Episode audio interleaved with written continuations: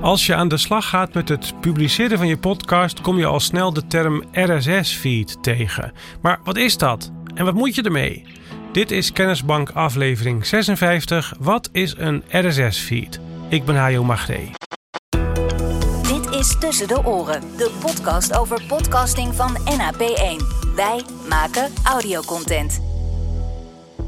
De RSS-feed is eigenlijk helemaal niet uitgevonden voor podcasts. Een RSS-feed is een soort van gestandaardiseerde afspraak die wereldwijd gebruikt wordt om informatie uit te wisselen, bijvoorbeeld nieuwsartikelen. Als je elk artikel nou opbouwt uit een kop en vervolgens één of meerdere alinea's tekst, en misschien nog tussenkoppen en een vakje waar de datum van dat artikel in staat, dan kunnen nieuwsmakers onderling artikelen uitwisselen, geautomatiseerd. Dan weet die software onderling van elkaar: oh, dit stukje is de kop en dit stukje is de body, de tekst van het artikel en dit stukje is de datum. En zo kun je ook programma's maken die artikelen op een leesbare manier weergeven op basis van de RSS-feeds van allerlei verschillende nieuwsbronnen. RSS-readers werden die genoemd. En er was een tijd dat die wat populairder waren dan tegenwoordig. En op een goed moment is die RSS-feed-afspraak uitgebreid met opties voor het uitwisselen van audio, van podcasts.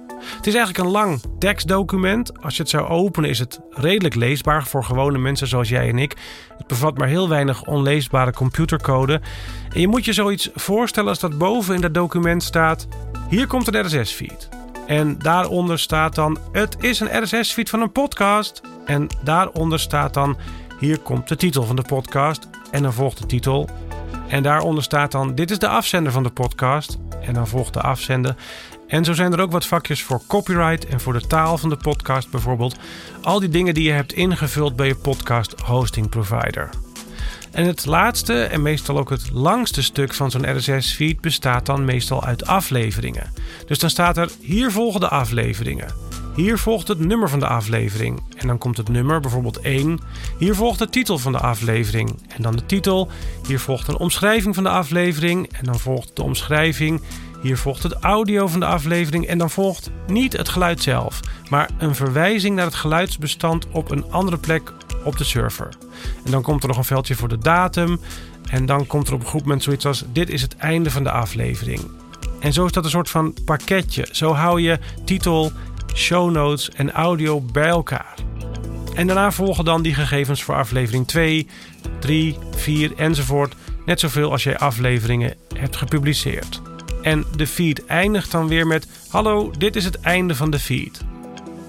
En als je je er een beetje in verdiept hoe dat moet en geen tikfouten maakt en al die haakjes die je opent ook netjes weer sluit en zo, dan kun je zo'n RSS-feed eigenlijk prima met de hand schrijven. Het is niet heel ingewikkeld, maar het is wel een intensief klusje. En dat is een van de redenen om podcast hosting te gebruiken. Hosting providers waar we al die gegevens op een gebruiksvriendelijke manier kunnen invullen. En de podcast hosting genereert daarvan dan zo'n RSS-feed. Die RSS-feed wordt ook weer ergens op hun server gepubliceerd. Dus in feite is het een tekstdocumentje dat te vinden is onder een URL, onder een webadres. Een podcast hosting provider geeft jou uiteindelijk dat adres, het adres van je RSS-feed. En dat adres van je RSS-feed, dat heb je nodig om je podcast aan te melden bij Spotify, bij Apple en eventueel bij al die andere podcast-apps. En als je feed dan is goedgekeurd en voldoet aan de eisen die die apps eraan stellen, dan gaan ze vervolgens, bijvoorbeeld ieder uur, jouw RSS-feed een keer bezoeken en kijken of er iets aan veranderd is. Bijvoorbeeld of er afleveringen bij zijn gekomen. En zijn die erbij gekomen, dan nemen ze die op in hun catalogus. En als hun luisteraars dat zo voor die specifieke podcast hebben ingesteld, dan gaat er ook nog een belletje af. Dan krijgen die luisteraars een melding dat jij een nieuwe aflevering hebt gepubliceerd. Als je het leuk vindt, kun je dat webadres van je RSS-feed gewoon in de adresbalk van je browser plakken. En dan kun je zien hoe dat tekstdocument eruit ziet. Dat tekstdocument dat computers onderling uitwisselen. Dat was het. Je kunt de informatie uit deze aflevering ook terugvinden in de podcast Kennisbank op onze website. Dit was Tussen de Oren van NAP1. Wij maken audiocontent. NAP1.nl